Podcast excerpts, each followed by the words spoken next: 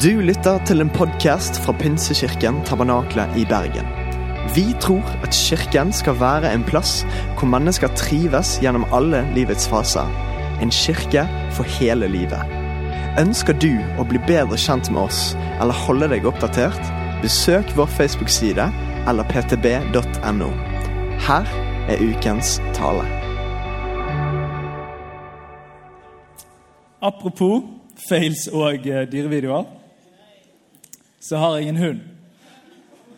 Og Hun heter Kira, eh, og hun gjør veldig mye feil i løpet av en dag. Hun ser veldig skjønn ut, og så oppfører hun seg veldig dårlig. Og det er sånn at eh, Kira hun, eh, hun har jeg hatt i, i snart ti år, så hun var vår førstefødte, som vi pleier å si. Og hun ble vel en slags sånn ja, Det var ikke så mye oppdragelse som gikk så veldig bra, tror jeg, selv om jeg har sett meg sjøl som en sånn dyrekjenner. Så jeg begynte å vurdere det etter hvordan det gikk med henne. Kira, da. For det Kira gjør, det er at hun gjør veldig mange feil daglig, egentlig. Hun, eh, for eksempel så, så hopper hun opp på folk når de kommer hjem til oss, og, og prøver å susse dem på munnen, egentlig. Og hun er ganske stor, da, så det er litt voldsomt. Eh, og så bjeffer hun eh, voldsomt når hun enten tror at noen kommer, eller noen kommer, eller hvis hun hører en lyd, eller hvis jeg sier hei, så begynner hun å bjeffe veldig, veldig, veldig mye. Og så stjeler hun ting på bordet når hun tror at jeg ikke ser på. Det er veldig fascinerende å se henne når hun opererer. Hun har litt sånn lavt hode når hun gjør det. Um, og gjør bare grådig mye daglig som er egentlig helt feil, og det irriterer meg grådig. Og så når vi er ute på tur Dette er sånn reklame for å seg hund egentlig her i starten. Når vi er ute på tur med Kira, da, så er det sånn at hun er en jentehund. Kalles tispe. Uh, og, og, det er sånn at når hun møter andre jentehunder, så, så vil hun slåss av en eller annen rar grunn.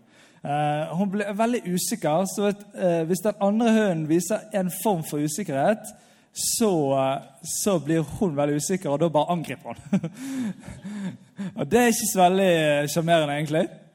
Eh, men hvis hun treffer en annen hund som er veldig trygg, eh, så, så kan hun liksom gå greit. For da ser hun liksom at den andre er så veldig trygg. Eh, men hvis Kira kunne synde Jeg vet ikke om hunder kan synde.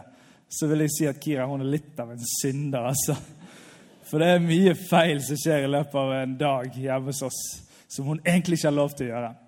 Eh, og Det kan ikke være så lett å være hund, kanskje. Eh, men vi må kanskje snakke litt ærlig om at det ikke er så lett å være menneske heller.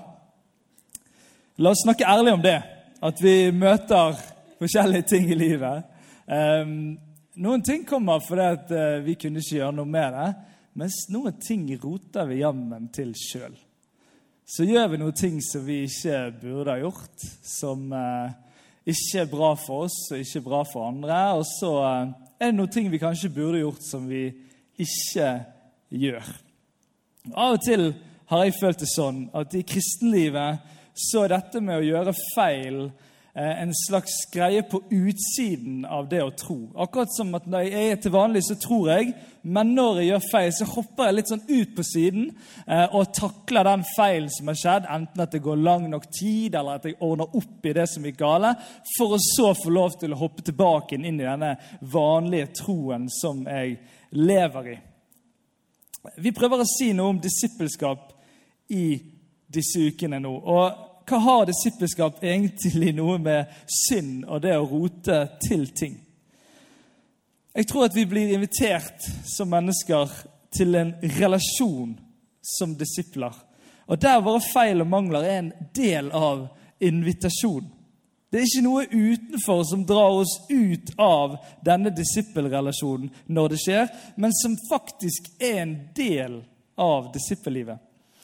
Og kanskje ligger det noe trygghet i det å forstå at Jesus spør oss om å følge han akkurat sånn som vi er i dag. Med alle de tingene vi har gjort, gjør og kommer til å gjøre i framtiden.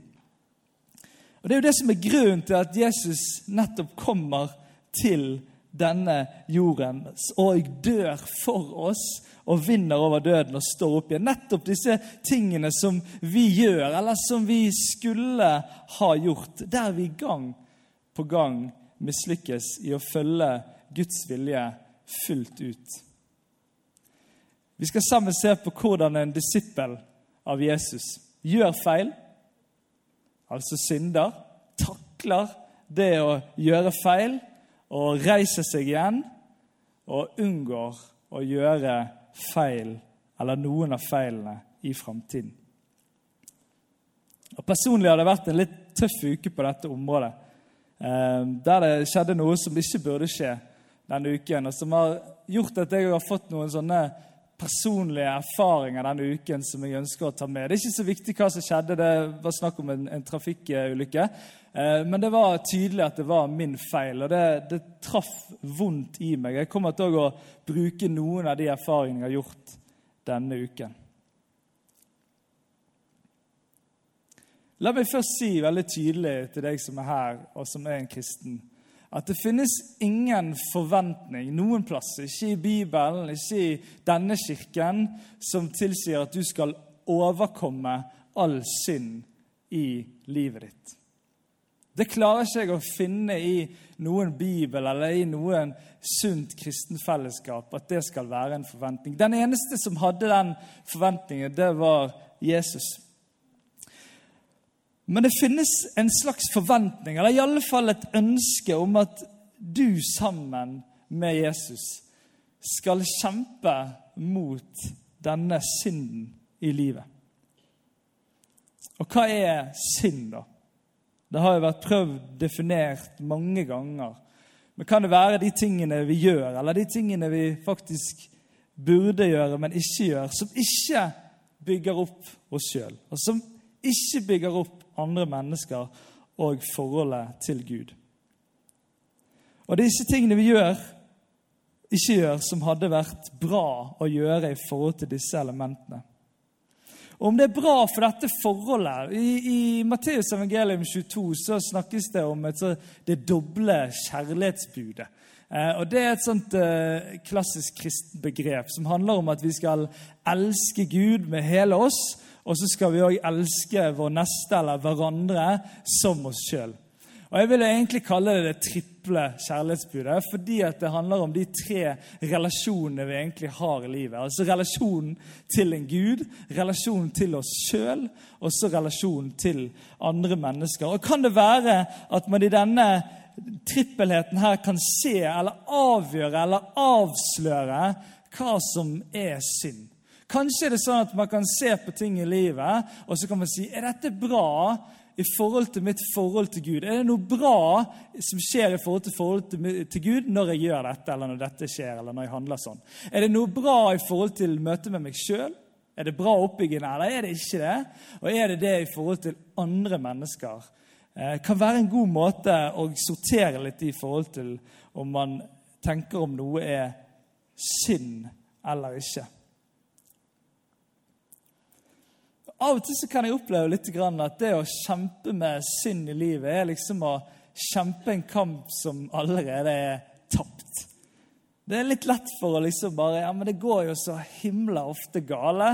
Det er jo litt sånn fristende å bare gi opp hele greiene. Og nå er ikke det sånn at det er synd å være et menneske. Men det å være et menneske fører alltid til synd. Og så fins det et sånt begrep der vi sier at vi er syndere. Og Jeg har et litt sånn ambivalent forhold til dette begrepet at vi er syndere. Jeg syns det er litt voldsomt at hele vår identitet skal preges av noe så negativt. At vi skal liksom være syndere. Eh, så jeg pleier ofte å si at vi er Guds barn som alltid synder. men, men greien er at det er noe fint med dette begrepet at vi er syndere. For det er akkurat som at det sier noe om at synden er der hele tiden. Det kommer til å være en del av livet vårt hele veien. Og vi må på en eller annen måte finne fred med det, at det er sånn.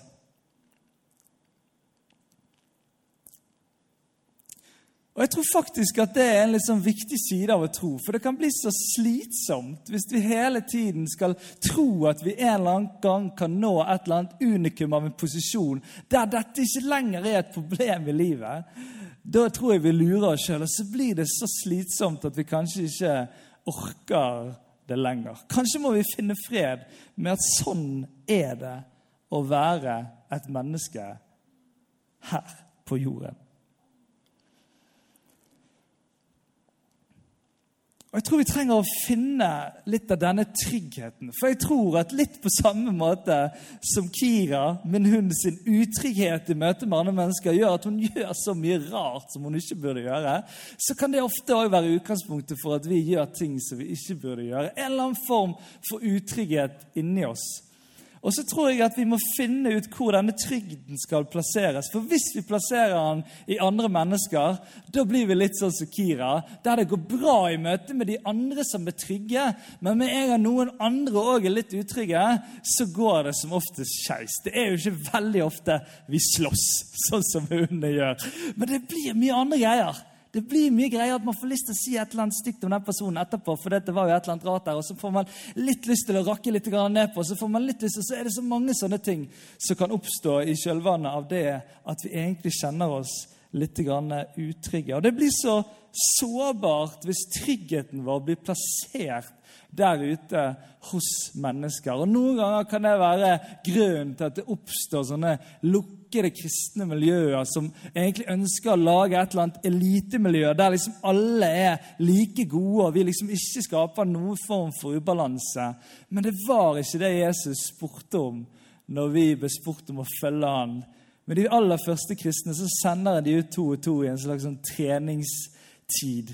Og Da sier han at 'jeg sender dere ut som lam blant ulver'. Han, han sier han sender de ut til de vanlige folkene, der det kan skje hva som helst når de banker på døren og går inn. Det var ingen form for at man skulle være beskyttet fra ting som skjer i denne verden, og som kan være også form for utrygge situasjoner. Hvor er det vi skal legge vår trygghet henne? Og Det er òg fristende å finne tryggheten i en eller annen form for rolle eller utdanning eller karriere eller status eller at jeg er flink på noe og kan noe, en rolle i en kirke eller disse tingene som er så lett å liksom klamre seg til. Ja, men, det, ja, men, det, ja, men jeg har jo dette, liksom, så da, da, går det bra. Jeg kan vise til denne fortellingen av at jeg har gjort disse tingene og gjort så mye bra ting. Og så er det sånn at vi må slutte folkens, å identifisere oss i forhold til roller i forhold til yrke eller i forhold til, til, hva vi har prestert. Vi må finne andre måter å identifisere oss Vi må fri oss fra språket av at jeg er en lærer. Du kan si det fortsatt, da. Men du er jo mye mer enn en lærer, selv om du har tatt en utdannelse og jobber som det. Du er veldig veldig mye mer. La oss fylle de samtalene med veldig mye mer enn at vi tror at hele identiteten vår er sikret når vi sier hva vi har utdannet oss om. Tryggheten må være hos Gud. Og Kanskje handler det å finne den tryggheten der synd og feiltrinn i livet det vipper ikke hele prosjektet. Det setter ikke alt ut av spill. Det blir som et fall. Man faller ned, og så får man lov til å reise seg igjen. Og man trenger ikke å bli liggende så veldig lenge nede. I alle fall ikke like lenge som søramerikanske fotballspillere etter at de har blitt taklet på en fotballbane.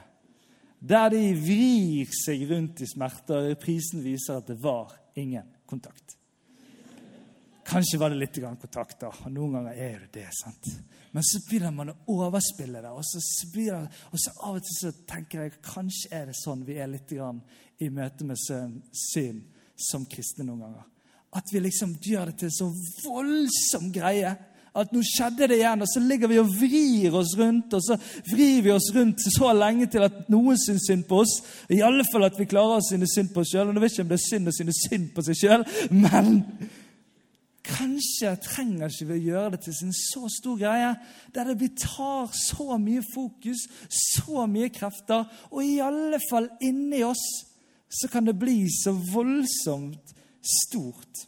Det blir så mye oppstyr. Og dette handler ikke om å ikke ta på alvor det at synden ikke er bra for oss og andre mennesker, men å kanskje ikke gi det så stor plass og fokus. For det er sånn å være menneske. Å gjøre feil. Ikke la deg friste til å bli liggende så lenge at det blir en eller annen sak ut av det. Men vi blir liggende lite grann. Og jeg lå litt nede på tirsdag. Det var en vond dag. Og jeg tror at, eh, at, eh, at man må snakke litt om de følelsene som kommer når man har gjort en feil eller kjenner at nå har man rotet det til. Da kommer veldig ofte skammen. Den kommer ganske så fort. Og Det var ganske interessant at rett etter denne situasjonen hadde vært på tirsdag, så var min første tanke at jeg kan ikke preke på søndag.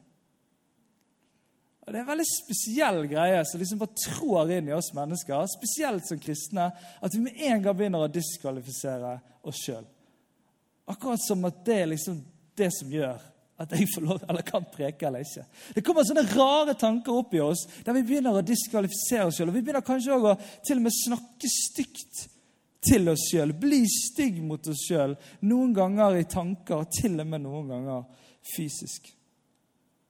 Skammen kan også gjøre at vi har lyst til å late som at det ikke har skjedd. En fortrenger det eller le det vekk.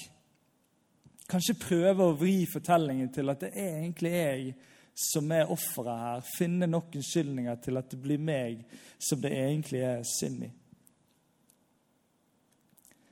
Hjemme i vår familie så er det veldig mye følelser for tiden. Jeg har to sønner som tror jeg har arvet mitt følelsesregister. Og Det gjør at de har veldig mange store følelser, og mange av de er vonde. Det er urettferdig. Hvorfor får jeg ikke se neste episode av Pokémon?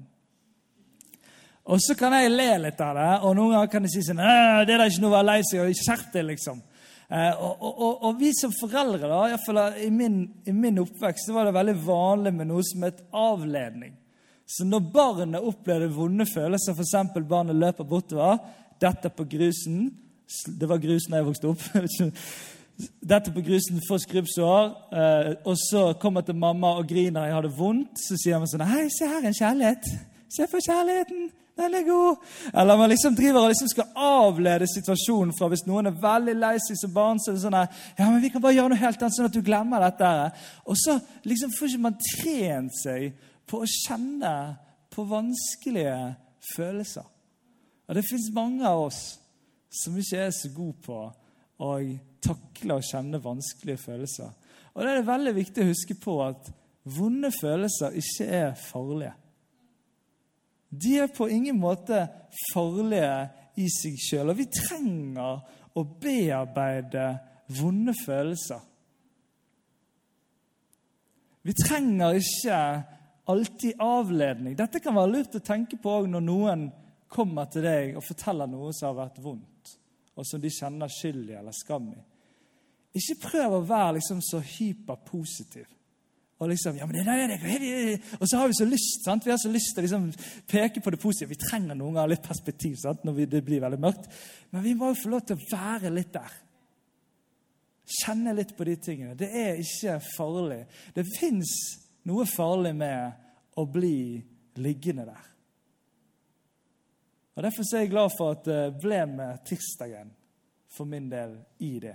Men jeg lot den bli en sånn dag der jeg kjente på disse vonde følelsene òg, og bearbeidet de.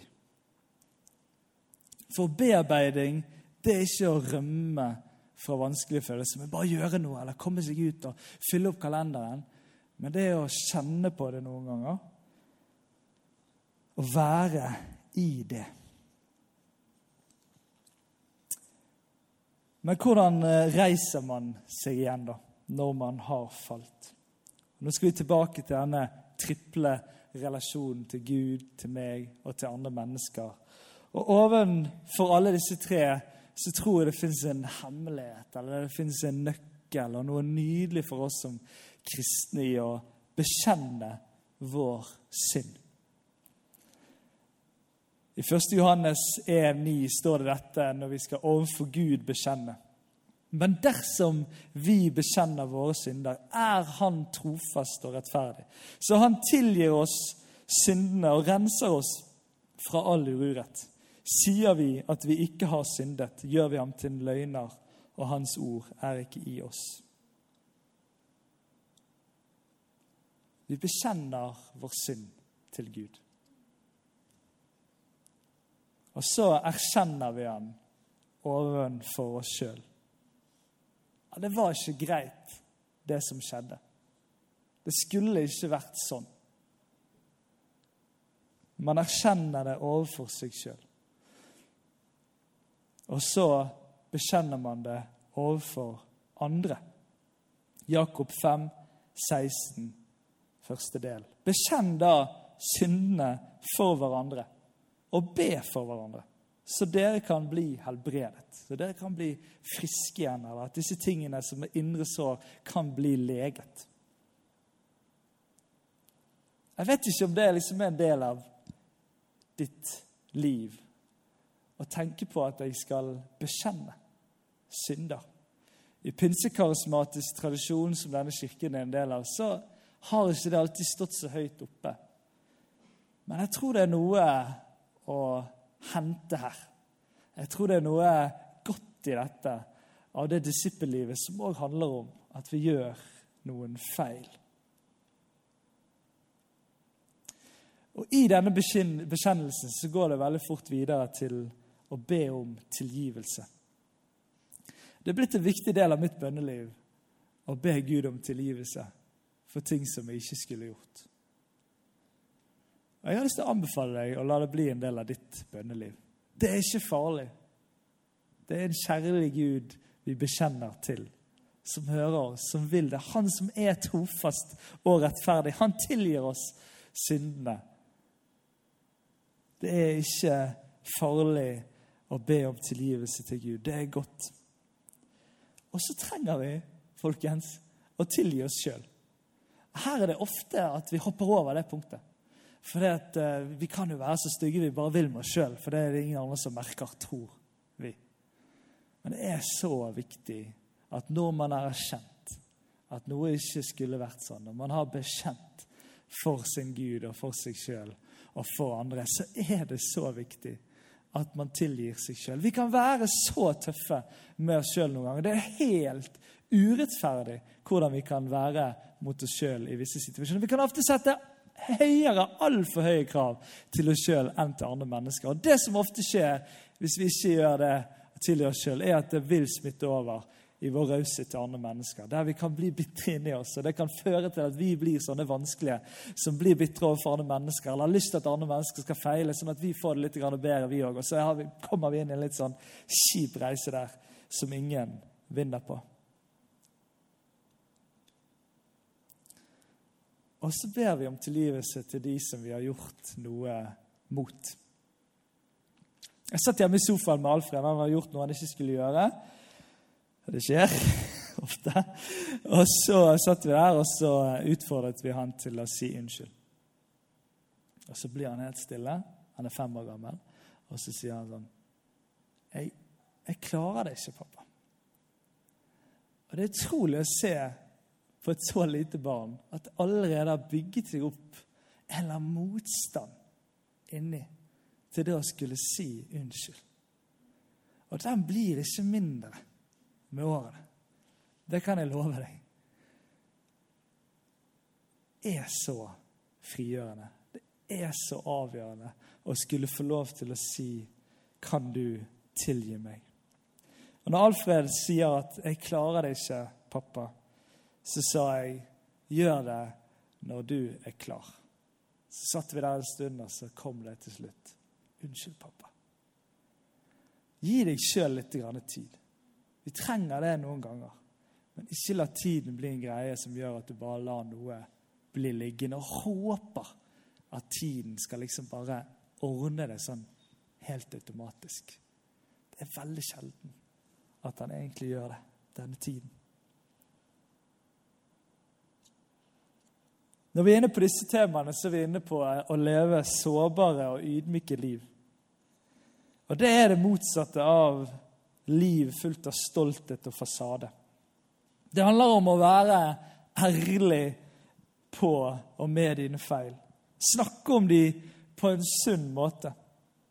Der stolthet ofte er summen av hvilke gode ting vi kan vise til, og hvilke vonde eller gale ting vi klarer å skjule. Det er ingenting å trakte etter i stoltheten og fasadelivet. Det blir vanskeligere og vanskeligere å skjule. Det blir vanskeligere og vanskeligere å holde masken. Det går an å være ærlig i dette. Og Kanskje kan det være godt å ha en sjelesørger. En mentor, en medvandrer, en god venn. Der man vet at i denne samtalen så vil det komme en mulighet for å bekjenne en synd. Eller sin synd. Der det vil være liksom litt definert i denne møtepunkt, dette møtepunktet man har. At vi faktisk skal snakke om disse tingene. For det er ikke så himla lett i en helt vanlig vennerelasjon å liksom bare vippe samtalen fra liksom det at det går så himla bra med Liverpool for tiden, til liksom, at det skal handle om at, at jeg gjorde noe jeg ikke burde gjort forrige uke. Det er ikke alltid så lett, og kanskje kan det være godt for oss i noen tilfeller å ha noen sånne definerte relasjoner. Der en sjelesørger er en profesjonell som du kan gå til og få den type samtaler. Der en mentor en som har levd litt lenger, som skal snakke litt mer om neste uke. Eller det som handler om en medvandrer, som er en god venn, eller en du merker du kan stole på. Der du sier 'Når vi møtes til denne kaffen på det stedet en gang i måneden', så handler det virkelig å snakke om hvordan går det egentlig med alle disse tingene som egentlig ikke går så veldig bra alltid i livet. Så har jeg en drøm om at det kanskje en gang, på en eller annen måte, i en eller annen form, kan bli en del av våre life-grupper. At vi bekjenner våre synder. Jeg vet at det er vanskelig. Jeg har ikke liksom laget en strategisk plan for at vi skal nå det innen 2025. liksom. Men jeg tenker wow, det hadde vært nydelig. I hvilken form, jeg vet ikke. Men jeg tror det kunne være noe spennende å drømme om, iallfall.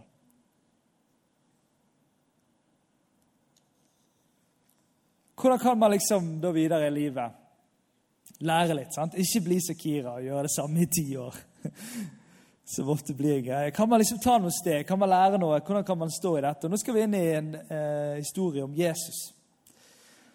Og Denne historien om Jesus er overraskende nok liksom før han har liksom begynt sin liksom formelle tjeneste. Det er liksom, Jesu liv hører man ganske lite om, for han er liksom blir født. og Så får vi et lite møtepunkt der vi hører at han er mye i tempelet som tolvåring. Og sannsynligvis var det videre.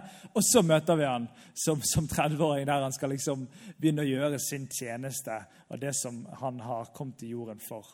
Eh, og Da er det liksom en sånn utrustningsfase. har det selvfølgelig vært frem til det også. Og så er det en sånn utrustningstid ofte du ser tidlig i evangeliet der han liksom blir han blir døpt. og liksom det er en sånn greie der, og, og liksom må få høre litt om historien. Og så kommer dette at han blir fristet i ørken. Og den historien skal vi lese sammen. Jesus ble så av ånd ført ut i ødemarken for å bli fristet av djevelen.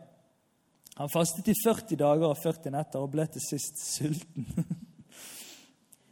Det blir man.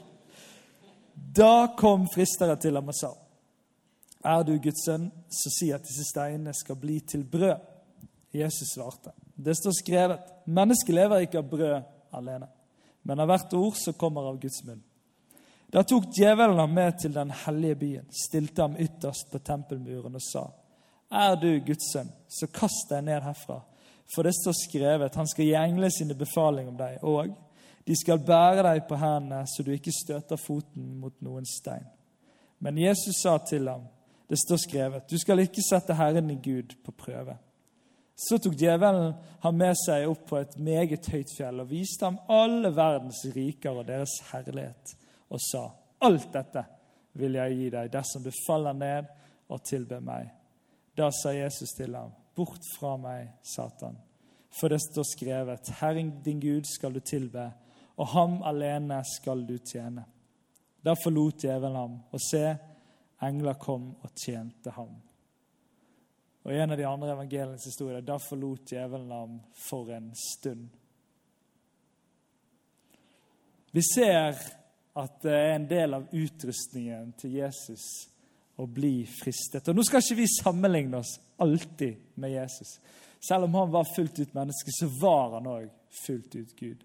Men det kan virke som at vi ikke alltid trenger å være så redd for fristelser, og at det ofte kan være en del av utrustningen vår som disippel og i forhold til tjenesten og tjenestene vi skal stå i. Det er tre former for fristelser som vi løftet fram her. Det er knyttet til, til, det som har med mat å gjøre. Han var veldig sulten, og han får liksom muligheten til å, å få mat med en gang. De menneskelige behovene. Og Nå har jo den listen blitt relativt mye lengre i vår tid da, av hva som er menneskelige behov. Eh, der det ville vært ganske mye mer som måtte blitt omgjort for å dekke alle de menneskelige behovene vi har fått etter hvert, enn to steiner som blir til brød. Det er jo alt fra, eh, fra karriere til hvis du har kommet så langt i livet, hus, hytte, oppussing Kanskje må man ha reist minst to-tre år av en eller annen viss tid frem til du er 30, og du bør ha trent så og så mye på et eller annet treningsstudie. Og materialismen bare er en stor del av det, og du må ha fått sett så og så mange Netflix-serier. Og det er så masse som har blitt denne liksom, så, så dypt menneskelige behov i oss. Og kanskje òg kommer inn her dette med seksualitet. Der det blir et sånn menneskelig behov. Der vi liksom, ja, vi har rett på det, vi skal få det sånn som vi vil. Og så er det kanskje fort blitt noen par fristelser i møte med det. Fristelsen av å sette de menneskelige behovene først, eller ville få de til enhver pris. Og så kommer denne tillitstesten der djevelen sier disse kjente ordene som òg er helt i starten av Bibelen, der han sier 'Har han virkelig sagt?' Og liksom Testen av liksom, stoler du egentlig på Gud, og er han egentlig den han sier? Skal ikke du bare teste det nå med å hive deg utenfor denne tempelmuren, og så får vi se om det faktisk er sånn som det egentlig er? Denne tillitssaken der det kan være så fristende å, å skulle teste litt. Og Jeg kan av og til kjenne det igjen i en slags sånn forventning av en viss form for belønning hvis jeg har vært ganske flink på noe som jeg ikke burde gjøre, og ikke har gjort det. Og så, så tester jeg nesten Gud istedenfor å genuint ville følge hans vilje. Og så er det selvfølgelig fristelsen av makt. Egen vinning. Det er makten som oftest har en konsekvens av at man trykker andre mennesker ned for å få seg sjøl lenger opp. Det er baktalelse som er den mest vanlige kristne fellesskapssyn. Der vi kaller det sånne fine ting som å bare si at det er noe som er litt frustrerende med en person, og så er det egentlig masse i det som er en form for baktalelse. Og egoismen der mitt og meg vokser hele tiden til noe som ikke blir bra for meg, og ikke bra for andre mennesker. Det virker som at Jesus blir fristet i disse grunnleggende tingene for at ikke hans tjeneste skulle på noen slags måte bli brukt til hans egen vinning. At han skulle ikke gå en eller annen form for sin menneskelige egne vei, men alltid følge Guds vilje og vei. Men hva er det som er nøkkelen i dette med at Jesus, når han møter disse fristelsene Hvordan er det han står i dette uten å falle? Han møter fristelsene i det åndelige og ikke i det menneskelige. Og Det er litt sånn vanskelig kristenspråk, men det handler om at han møter det der kampen faktisk kan vinnes, og ikke der den allerede er tapt. Der han istedenfor i møte med fristelsene går inn i en sånn psykologisk mindtrick av å liksom bare tenke seg sjøl ut av det, så stoler han på noe større enn seg sjøl og peker på noen sannheter som er evige, og argumenterer med det. Og Her er det veldig ofte at vi går litt feil, fordi vi merker fristelsene i det menneskelige. og Derfor har vi lyst til å møte det i det menneskelige. Og så har vi lyst til å ta oss sammen og vise hvor flinke vi er. Eller vi har lyst til å, å liksom fighte ned dette greiene her. Og så er det veldig sjelden at man kommer ut vinnende i det. Men han møter det i det åndelige. Han siterer sannheter. Han peker på noe som er utenfor seg sjøl. En kraft og styrke som ikke handler om det menneskelige.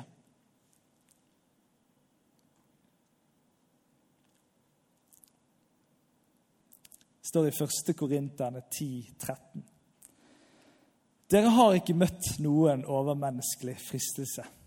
Jeg vet ikke om jeg er helt enig, altså, men uh, han sier noe der. Og Gud er trofast. Han vil ikke la dere bli fristet over evne. Nei, når dere blir fristet, vil Han vise en vei, en utvei, slik at dere kan holde ut.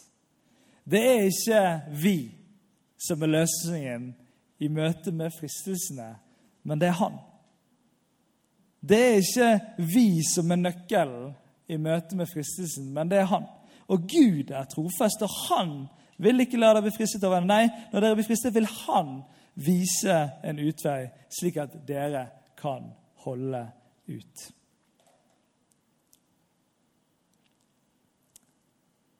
Som pastor så har jeg fått lov til å følge veldig mange i forskjellige reiser i forhold til disse tingene òg. Jeg syns det er en naturlig del av en ledelsesrelasjon å snakke om disse tingene som ikke helt funker i livet alltid. Og da er en ting som jeg har sett både når jeg har fulgt opp mennesker, men også sett det tydelig i meg sjøl. Det er en sånn tanke om at man liksom skal Når man først liksom skal gjøre et oppgjør med noe som er synd i livet, eller en tendens i livet som ikke er bra, så skal man liksom fikse alt på en gang. Man skal liksom gå herfra og helt bort hit, hoppe bort hit, og så skal alt være bra, og så skal det være bra resten av livet.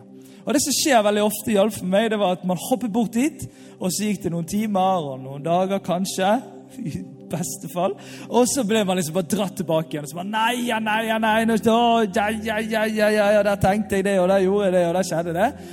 Og så bare blir det en sånn greie at man bare sånn Nei, det er ikke vits i å prøve. Kan det være at det ligger en slags nøkkel i at når Jesus sier at vi skal følge ham, så er det en slags steg-for-steg-greie. At man får lov til å gå noen steg i en retning der det blir mindre og mindre av dette som ikke er bra for meg, og ikke bra for forholdet til Gud, og ikke bra for andre mennesker. Kommer aldri til å komme fram til at ikke det er noe av det hele tatt på noen slags måte.